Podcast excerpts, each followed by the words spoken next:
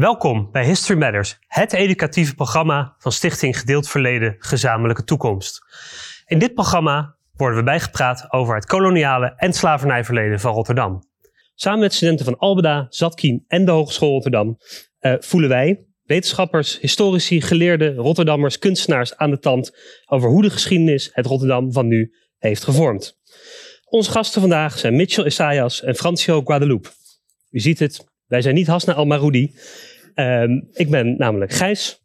Ik ben Giovanni. Laten, we, beginnen.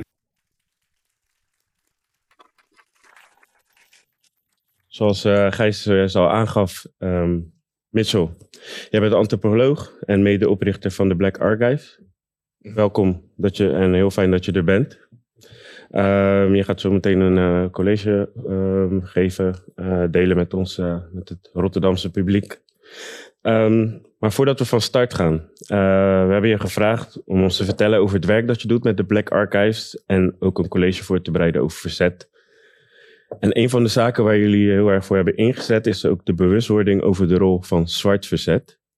en zo werd de Surinaamse verzetsheld Anton de Kom in 2020 toegevoegd aan de kanon. Uh, wat was jouw reactie daarop? Wat vond je daarvan?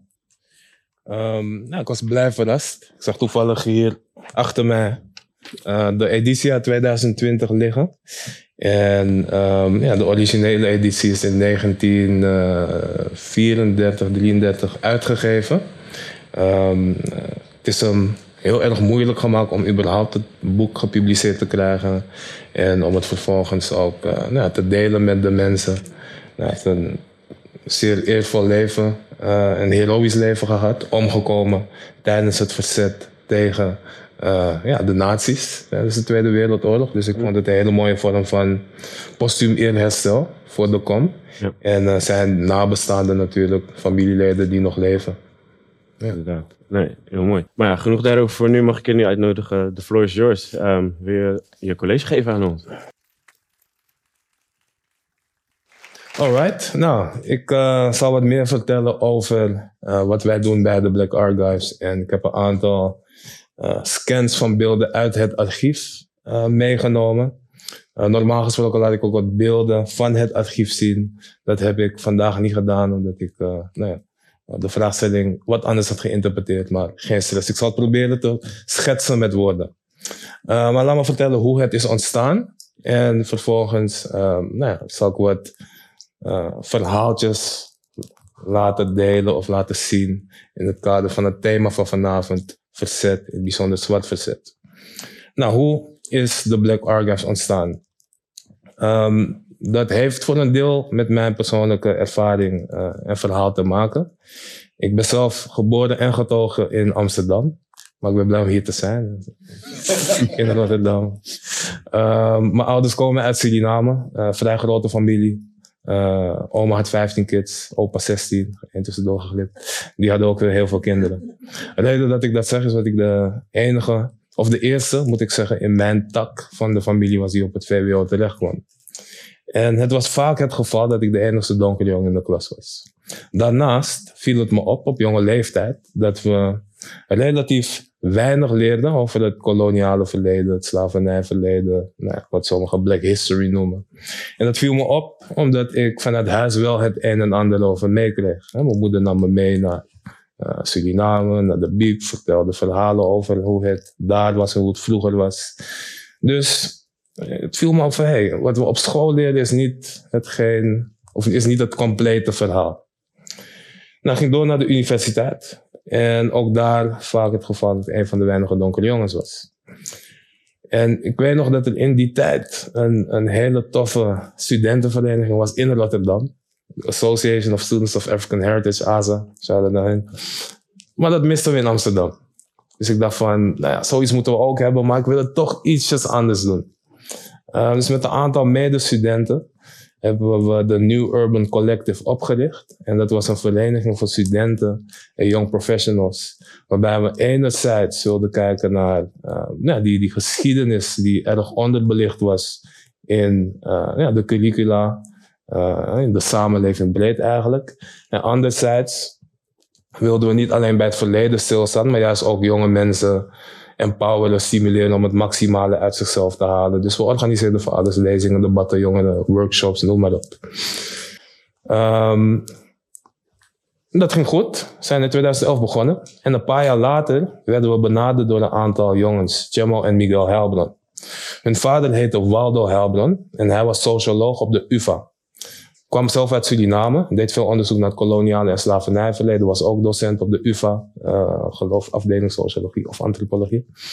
Maar hij deed dus onderzoek naar het slavernijverleden, specifiek de plantage-economie in Suriname en het uh, Nederlands-Caribisch gebied. Maar hij keek ook kritisch naar hoe geschiedenis wordt geschreven en gepresenteerd. Nou, dit thema heet History Matters. En um, een van de boeken die hij publiceerde, het heette De toekomst van het verleden, stelde hij dat nou, geschiedenis hè, vaak wordt gepresenteerd alsof het een soort objectieve, neutrale, uh, uh, nationale geschiedenis is. En dat die nationale geschiedenis voeding geeft aan onze identiteit. Hè? Dus hoe we naar onszelf kijken, maar ook naar de ander. Hè? Wie wel bij de natie hoort en wie niet. Um, maar, stelde hij, ja, die geschiedenis is niet zo objectief als we vaak denken. Integendeel, je kan geschiedenis eigenlijk zien als een soort reconstructie van het verleden. Het wil zeggen dat er keuzes worden gemaakt over welke verhalen we vertellen en welke niet.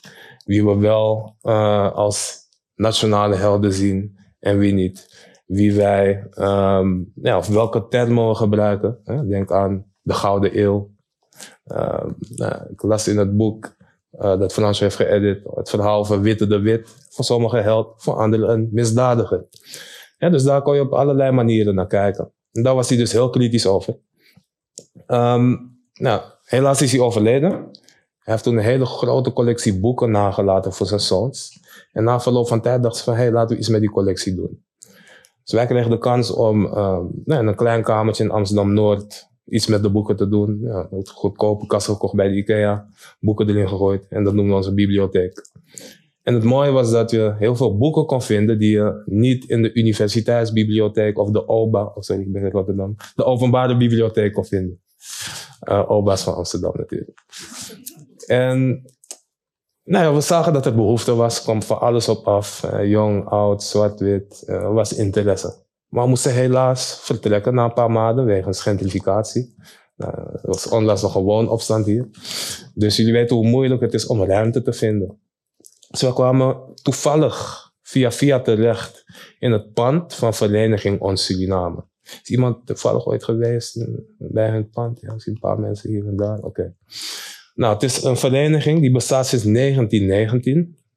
En um, ja, ze hebben een pand gekocht in de jaren 90 toen het nog betaalbaar was. We hoorden dat ze ruimte hadden, we hadden geen idee hoe het eruit zag. Maar we kwamen daar aan en het was één grote rommel, kan je wel zeggen. Normaal laat ik een foto zien, maar ik hoop dat jullie me geloven. Dan ben je voor te zeggen, je komt ergens binnen en overal dozen, oude kasten, stoffig, noem maar op. Maar ja, we hadden ruimte nodig. Dus we hebben een deal gesloten waarbij we zeiden van, hey, wij helpen jullie opruimen. Als wij onze boeken erbij kunnen gooien, dan is het een win-win situatie. In mijn achterhoofd dacht ik van, ja, gooi lekker al die rommel weg. Maar dat is een ander verhaal. Tijdens het opruimen kwamen we erachter dat er heel veel bijzondere materialen in die dozen verborgen lag. Um, dus ik zal een paar voorbeelden laten zien van uh, documenten, foto's, et cetera, die we hebben gevonden in het kader van het thema van vanavond. En de eerste staat al hier op het scherm. Dit is, nou, normaal gesproken vraag ik ook van wie, wie herkent waar deze foto is gemaakt. We zijn in Rotterdam, ik zal het niet doen. het is een foto gemaakt in 1963. Je ziet hier 1963, 1863. Kitty Kotti, Free Moudet. Um, en ja, het is een prachtige foto, vind ik zelf, want je ziet een soort een, een, een mars, een stoet van mensen in nou, traditionele Surinaamse kleding, ja, uh, een paar mannen strak in pak. En het was kennelijk dus een, uh, wat we nu noemen, een soort biggie speakery. Ja, een uh, herdenking van de afstand van de slavernij, ofwel Kitty Kotti. Maar zoals denk ik velen weten, is dat iets wat pas de afgelopen jaren, het afgelopen decennium, steeds meer aandacht krijgt. Hè. Dus monumenten Rotterdam, uh, Den Haag komt er waarschijnlijk binnenkort eentje. Dus voor ons was het een enorme verrassing om te zien dat er kennelijk al in 1963 mensen al hiermee bezig waren. Dus ja, van de letterlijk verborgen geschiedenis. Uh, zo voelde het. Ook vonden we, um, nou ja, uh, ontdekten we mensen op de foto's die we herkenden. En bijvoorbeeld hier, een meneer Kooks, die was actief in de arbeidersbeweging en in de antikoloniale beweging in die periode. Een ander voorbeeld is dat we hele bijzondere stukken vonden. Oude Ebony magazines uit de jaren 60, bijvoorbeeld eentje met Martin Luther King op de cover, een original. Um, ook uh, boeken gesigneerd door uh, bijvoorbeeld Langston Hughes. Iemand hoort van Langston Hughes wel Ja, een bekende poëet uit de Harlem Renaissance. Sommigen noemen hem ook wel de Beyoncé van de poëzie. Ja, zeg maar. Zo bekend was hij. Um, en dus je kan je voorstellen dat toen we die boeken vonden van iemand die ja, vrij bekend is, met notities erin, handtekening, dat was, uh, dat was van wow, geweldig. Dus wij wilden natuurlijk weten van, waar komt het vandaan? Wie heeft dit verzameld? En door rond te vragen, door research te doen, kwamen we erachter dat een deel van die collectie die we vonden, was verzameld door dit echtpaar. Ik zal de korte versie geven wegens de tijd. Uh, in het kort, Otto geboren in 1893, Hermie 1905 in Guyana. Uh, hij in Suriname, dus eerste generatie die na de afstand van de slavernij was geboren. Ze belanden allebei in New York, uh, begin 20e eeuw. En om een lang verhaal kort te maken, werd hij de enigste zwarte medeoprichter van de Communistische Partij. Dan kan je afvragen, wat heeft, wat, hebben, wat heeft deze man nou weer bij de Communistische Partij te zoeken? Nou, in die tijd uh, waren de communisten ja, een van de weinige politieke bewegingen die zich expliciet uh, nou ja, uh, uh, inzetten tegen imperialistische en koloniale onderdrukking. Dus waren er aardig wat mensen, dus ook zwarte mensen, mensen uit de kolonies, die dachten: hé, hey, als wij ons aansluiten in die beweging of vanuit die ideologie, kunnen wij onze onderdrukkers, onze koloniale onderdrukkers omverwerpen.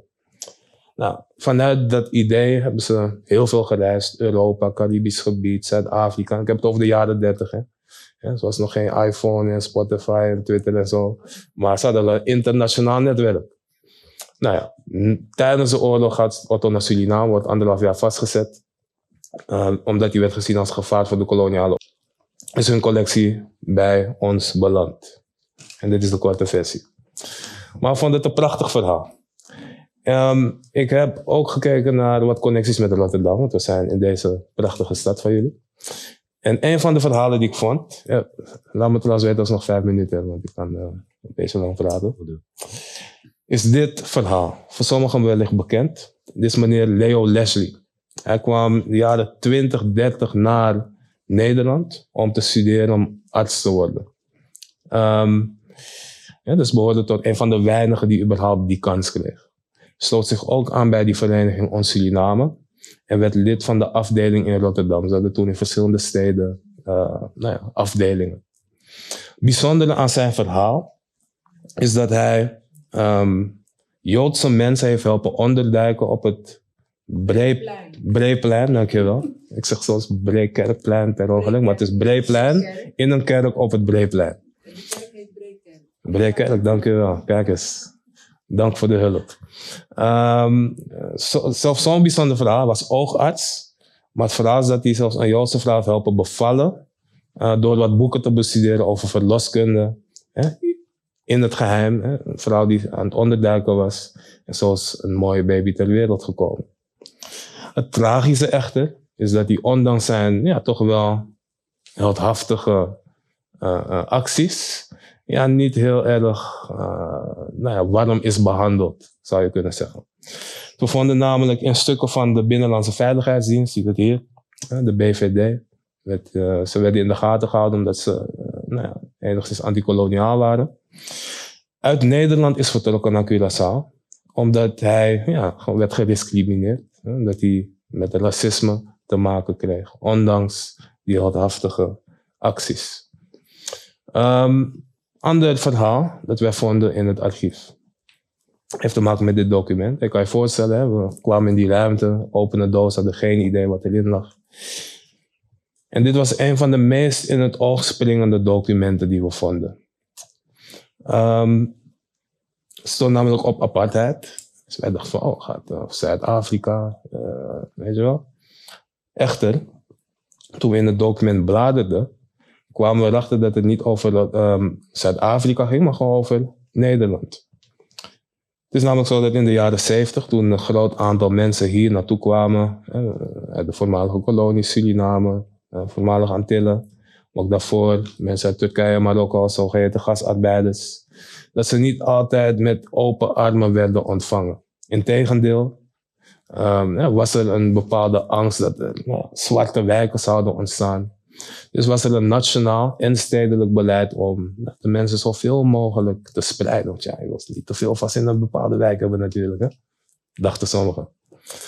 Um, dus hier in Rotterdam was het zelfs een beleidsmaatregel uh, dat noemde men ook wel de, de, de, of de politieke regel. Uh, maximaal één buitenlands gezin per portiek.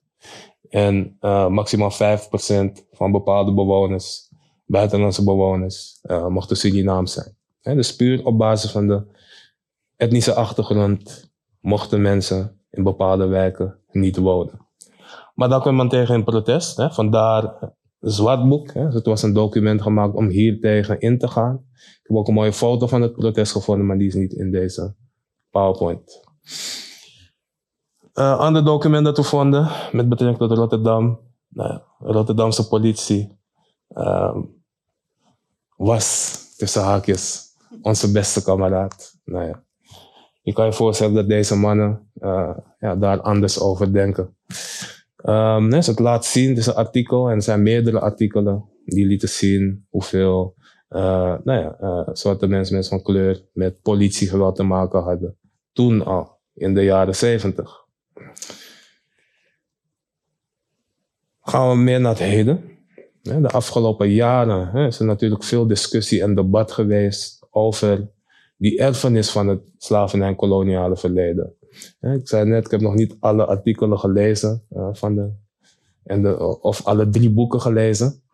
Maar wat duidelijk is, uh, is dat Rotterdam als stad, Rotterdamse bestuurders, persoonlijk betrokken waren bij hè, dat mensonterende systeem. Honderden jaren lang. En die erfenis daarvan hè, is nog steeds zichtbaar op allerlei manieren. Nou, ik heb net een aantal voorbeelden laten zien van uh, etnisch profileren sinds de jaren 70 tot uh, woningmarktdiscriminatie. Een ander voorbeeld daarvan is natuurlijk hè, de populaire nationale traditie Sinterklaas en zijn de Zwarte Piet. Nou, is de afgelopen jaar natuurlijk veel discussie over gehad, hoeven we niet al te lang over te hebben. Maar wat we ook proberen te doen, is nou, documentatie over die meer recente vormen van verzet verzamelen. En dit zijn foto's van protesten tegen Zwarte Piet in uh, nou ja, de afgelopen jaar, 2016, 17. Ik was zelf ook aanwezig met eentje waarbij uh, helaas uh, nou ja, een, grote groep werd gearresteerd onterecht door de uw burgemeester. Maar we zien vooruitgang. We zien dat ook hier in Amsterdam die figuur in voorbij de intocht is afgeschaft. En dat er dus uh, stappen vooruit worden gezet. Als laatste, deze foto. Die reflecteert voor mij de groei van een stukje bewustzijn. Uh, van van de, de, de bereidheid om ook de straat op te gaan, je uit te spreken, je veilig genoeg te voelen om deze thematiek van die erfenis van het koloniale verleden, institu institutioneel anti-zwarte racisme, aan te kaarten. Een prachtige foto gemaakt uh, bij de Erasmusbrug, toen er tienduizenden mensen uh, de straat opgingen met de Black Lives Matter protesten in juni 2020. En hoewel we er nog lang niet zijn, er zijn nog vele uitdagingen, vele vormen van ongelijkheid en institutioneel racisme heb ik wel enige hoop dat we stappen vooruit zetten. Zolang mensen zich blijven uitspreken, zolang we nou ja, uh, dit soort onderzoek blijven publiceren en ja, dit soort discussies met elkaar aangaan. Dus ik houd het erbij, hierbij van nu. En uh, laten we met elkaar betrekken. Zoals ik uh, al zei, werken wij samen met uh, studenten van de ROC-instellingen hier in Rotterdam en de Hogeschool Rotterdam, Albeda Zatkien Hogeschool Rotterdam. en twee van deze studenten zijn hier als delegatie vandaag aanwezig. en ik zou hen graag um, willen vragen om een vraag te stellen aan Mitchell. En ik begin met een vraag van Julia. Wat vindt u de belangrijkste hedendaagse trend in verzet? En hoe kunnen wij volgens u het best verzet tot uiting brengen? Mm. Mm. Trend. Ik. Het woord trend uh, triggert iets bij me. Omdat het soms iets is ik me uh, lichtelijk zorgen over maak. En dat activisme trendy wordt. En ik denk niet dat dat de bedoeling is. Ik denk dat het ja, iets best wel nou ja, serieus is. Um, en ik denk dat er een, uh, soms een risico is dat um, uh, wij, bijzonder de jonge generatie, millennials, die uh, zijn opgegroeid in een tijd waarin het relatief makkelijk is om um, een grote groep mensen te bereiken. je mening te geven via Instagram posts of op het internet. Dat we denken dat daarmee dat het daarmee gedaan is. Door één keer uh, bij een Black protest op uh, de Erasmusbrug te staan en je vuist in de lucht te gooien, een mooie caption erbij te bedenken en vervolgens verder te gaan met je leven. Ik zacieer natuurlijk een beetje, maar dat is wel iets wat soms me wat vraagtekens bij. Zeker omdat we hè, in, zo'n archief werken. Uh, ik had het net heel even met Franjo erover. Dat uh, gisteren nog bijvoorbeeld een heel mooi gesprek heb gehad met een paar mensen uit de oudere generatie. Uh, als je kijkt naar die mensen van dat apartheid zwartboek, die hadden geen internet. Dus als zij een petitie moesten lanceren of een actie moesten organiseren, moesten ze echt de straat op, letterlijk mensen vragen van hey, uitleggen waar je voor staat, weer je handtekening zetten, was veel meer engagement leek het soms op een bepaalde manier. Wat meer commitment. Omdat je misschien ook wat meer moeite moest doen om echt mensen te bereiken. En soms ja, lijkt het wat vluchtiger. Uh, door de, nou, de, de, de, technologie dat we hebben. Um, waardoor ik denk dat um, er meer uitgehaald kan worden. Dus het heeft voor mij twee kanten. Aan de ene kant kunnen we heel makkelijk en heel snel grote groepen mobiliseren. Die BLM-protesten waren ook binnen twee dagen gedaan. Door een paar posts online te gooien. Duizenden mensen gingen de straat op. Maar ja, de vraag is, wat is dan de stap verder? Wat is de strategie? Wat is de tactiek? Wat is de visie? En hoe vertaal je dat dan naar uh, uh, uh, echt beleidsverandering? Dus ja, dat is denk ik uh, iets waar ik uh, soms over nadenk. Denk je beide vragen daarmee beantwoord? Goed zo, dan gaan we voor een laatste vraag naar Brianna. Hoe merk je dat ook de jongere generatie getriggerd wordt om door de werk van, het, um, van de, Black, de Black Archives dieper in dit soort archieven te duiken en ook de geschiedenis daarvan? Mm, ja, jongere generatie. En uh, voelt bijna alsof ik als tot opa ben. Ja. nee. Ik ben nu, ik ben nu 33, maar en ik besef dat er inderdaad al wat uh, jongere mensen zijn. Een mooi voorbeeld vind ik uh, Zet je in, wellicht hebben jullie van gehoord. Er zijn een aantal ja, jonge dames, uh, 18, 19, 20, die tijdens die BLM-protesten een petitie hebben opgezet om uh, meer aandacht te geven aan het koloniale verleden en racisme in het onderwijs. Die hadden binnen, 60, binnen een paar dagen meer dan 60.000 handtekeningen. Werd vertaald naar een motie in de Tweede Kamer. Ik zag ze toen uh, optreden bij Pauw, uh, tv, zo wel bespraakt. Ik dacht van wauw. Toen ik 18, 19 was, was ik niet met die dingen bezig. Was ik met hele andere dingen bezig. dus dat vond ik heel inspirerend om te zien. En ik maakte net even die opmerking van ja, hè, over trends en Instagram. Um, Eh, zeker bij die BLM-protesten, dat ik het zie als een risico. Uh, maar ik wil het eigenlijk meer zien als potentie. Want het feit dat mensen daar staan en iets zeggen, laat me alvast zien dat, dat hun bewustzijn is geprikkeld. En ik vond het vooral heel mooi om heel veel jonge mensen te zien. Ik was ook hier in Rotterdam, liepen van de Erasmusbrug naar uh, Centraal Station, omdat de politie het voortijdig had afgebroken. Uh, in opdracht van jullie burgemeester. Um, maar het was heel mooi om heel veel jonge, heel, heel, heel mooi om heel veel jonge mensen te zien. En uh, ja, daar ligt denk ik de potentie. Dat als we onszelf blijven educaten en, en ja, actief blijven, dat, uh, ja, dat, dat het zeker verandering mogelijk is in de toekomst. Dankjewel. Is daarmee je vraag beantwoord? Ja. Dan zou ik graag ten eerste een heel groot applaus willen voor Julia en Brianna. Dankjewel. Ik wil eigenlijk uh, samen met jullie um, uh, nog een paar vragen stellen over het college wat je net hebt gehad. En dat uh, gesprek gaan we zeker voeren. Maar we gaan eerst wel even naar een instart toe. En die instart die zegt eigenlijk ook wel iets over een bepaalde vorm van verzet. Waar ik niet te veel over zal zeggen. Maar je zal daar in de instart zie je Malik Mohammed. Hij is onderzoeker, ontwerper en hij noemt zichzelf ook wel hip-hop futurist. Um, nou, ik denk dat we gewoon even naar de instart kunnen gaan kijken. En dan kunnen we daarna even erover hebben. Wat wij zeggen is, laat de bewoners uh, aan de slag gaan, want zij zijn de echte experts. En uh, dan ga je zien dat de ideeën die zij hebben niet onderdoen voor, voor zogeheten professionals. Het zal je verbazen als je bewoners de ruimte geeft, wat voor goede ideeën uh, ja, daar, daaruit komen. De stad verandert snel en dan vraag je je af, wie er aan de tekentafel staat, wie bepaalt hoe de stad eruit komt te zien.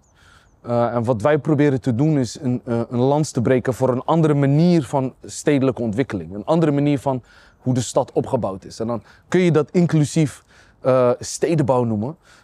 maar voor ons is het gewoon ontwerpen vanuit de context. Dit is de context. Dit is hoe Rotterdam eruit ziet. En wat betekent het als je vanuit die stedelijke realiteit gaat ontwerpen? En dat werken vanuit die context, zou je dat een vorm van verzet kunnen noemen? Ik vind persoonlijk voor wat, voor, voor wat wij doen, voor onze praktijk, vind ik uh, disruptie en, en het denken vanuit ontwerp veel interessanter. Uh, omdat dat voor mijn gevoel proactiever is.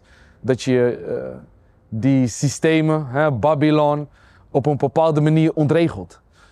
en dat je vanuit die ontregeling nieuwe werelden probeert te creëren. En dat is ook wat, wat, wat hip-hop mij heeft geleerd. Ik ben een hip-hop baby. Is flip the script. Weet je, kantel het. Ontregel, doe iets anders. En vertrek vanuit, vanuit, vanuit je eigen context. Want verzet is nu populairder en dat is belangrijk. het is belangrijk dat je een, bepaalde massa creëert, dat zoveel mogelijk mensen bezig zijn met, met wat men verzet noemt. Maar de gevaar die daarin dreigt is dat het op een gegeven moment uh, uh, een, een, doel op zich wordt. En als je, dat het performatief wordt en dat, dat het draait om representatie. Zolang we maar de ruimte krijgen om uh, ons verzet te articuleren, dat dat voldoende is. Um, dat, is een, dat is belangrijk, maar dat is een deel van wat er nodig is. Ik denk dat wat wij proberen te doen, is na te denken over die vervolgstap. Oké, maar hoe ziet die stad van de toekomst er dan uit? Ik zou graag Fransjo bij het gesprek nu willen betrekken. Antropoloog aan de UvA. Fijn dat je er ook bent. En de eerste vraag is eigenlijk een vraag die zowel op de presentatie van Mitchell betrekking heeft als de instart van Malik. Omdat ze beide eigenlijk aangeven dat je ziet dat verzet of activisme in zekere zin populairder wordt. hoe kijk jij daarnaar? Wat, ben je het daarmee eens? ja, hoe kijk je daar echt naar? Goeie vraag. Um, je kan er niet, er niet, niet mee eens zijn. Dus ik ben pro al, die, al dat activisme.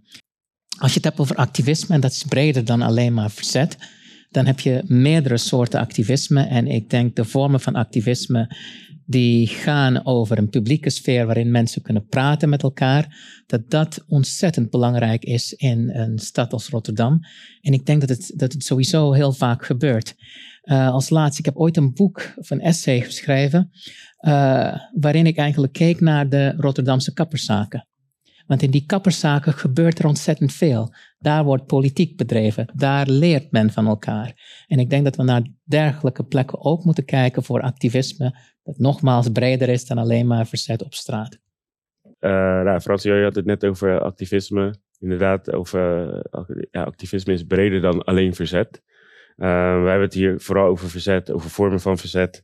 Maar een van die vormen is ook, uh, kan je ook door muziek of door het voordragen. Um, en daarmee maak ik een klein bruggetje naar uh, onze volgende gast. Omdat ehm, hij uh, is van Kaapverdiaanse afkomst. Um, hij heeft onlangs een, uh, een, voordracht mogen doen voor de president van Kaapverdië en onze koning Willem-Alexander. En deze voordracht gaat hij ook met ons delen. Dus ik wil heel graag naar voren roepen onze creative spirit, Viera en Cozy. Get it, bro. Mijn vader is een voormalige zeevaarder. Kwam naar Nederland als een van de eerste Kaapverdianen. Mijn moeder is een dame die hier vroeger ooit geraakte. Om te zwoegen voor een betere toekomst om het te maken. Zij ontmoeten elkaar hier in de zeventiger jaren. Ik ben een Rotterdamse kabo en daarom ben ik tweetalig. Wanneer je fiets school, treba je diploma. Wordt in loete dubbel. Ik heb de normen en de waarden van de Rotterdamse straten gemengd in mezelf samen met Capverdiaanse. Finke pebo courage, souris nekare. Die woorden vertegenwoordigen dezelfde waarden als het oer-Rotterdamse geen woorden maar daden. Ik integreer, maar niet dat ik assimileer, maar roots afsfeer of vergeet waar het begint, nunca. Je hebt zo'n sebedo niet meer vier het Cabo Verde, sin in kam te vullen sempre. History matters. Dank wel. En hiermee zijn we aan het einde gekomen van dit deel van deze aflevering. Wil je alles nog eens op je gemak terugkijken? Dat kan op historymatters0team.nl. Mijn naam is Gijs Rijer. Graag tot de volgende keer.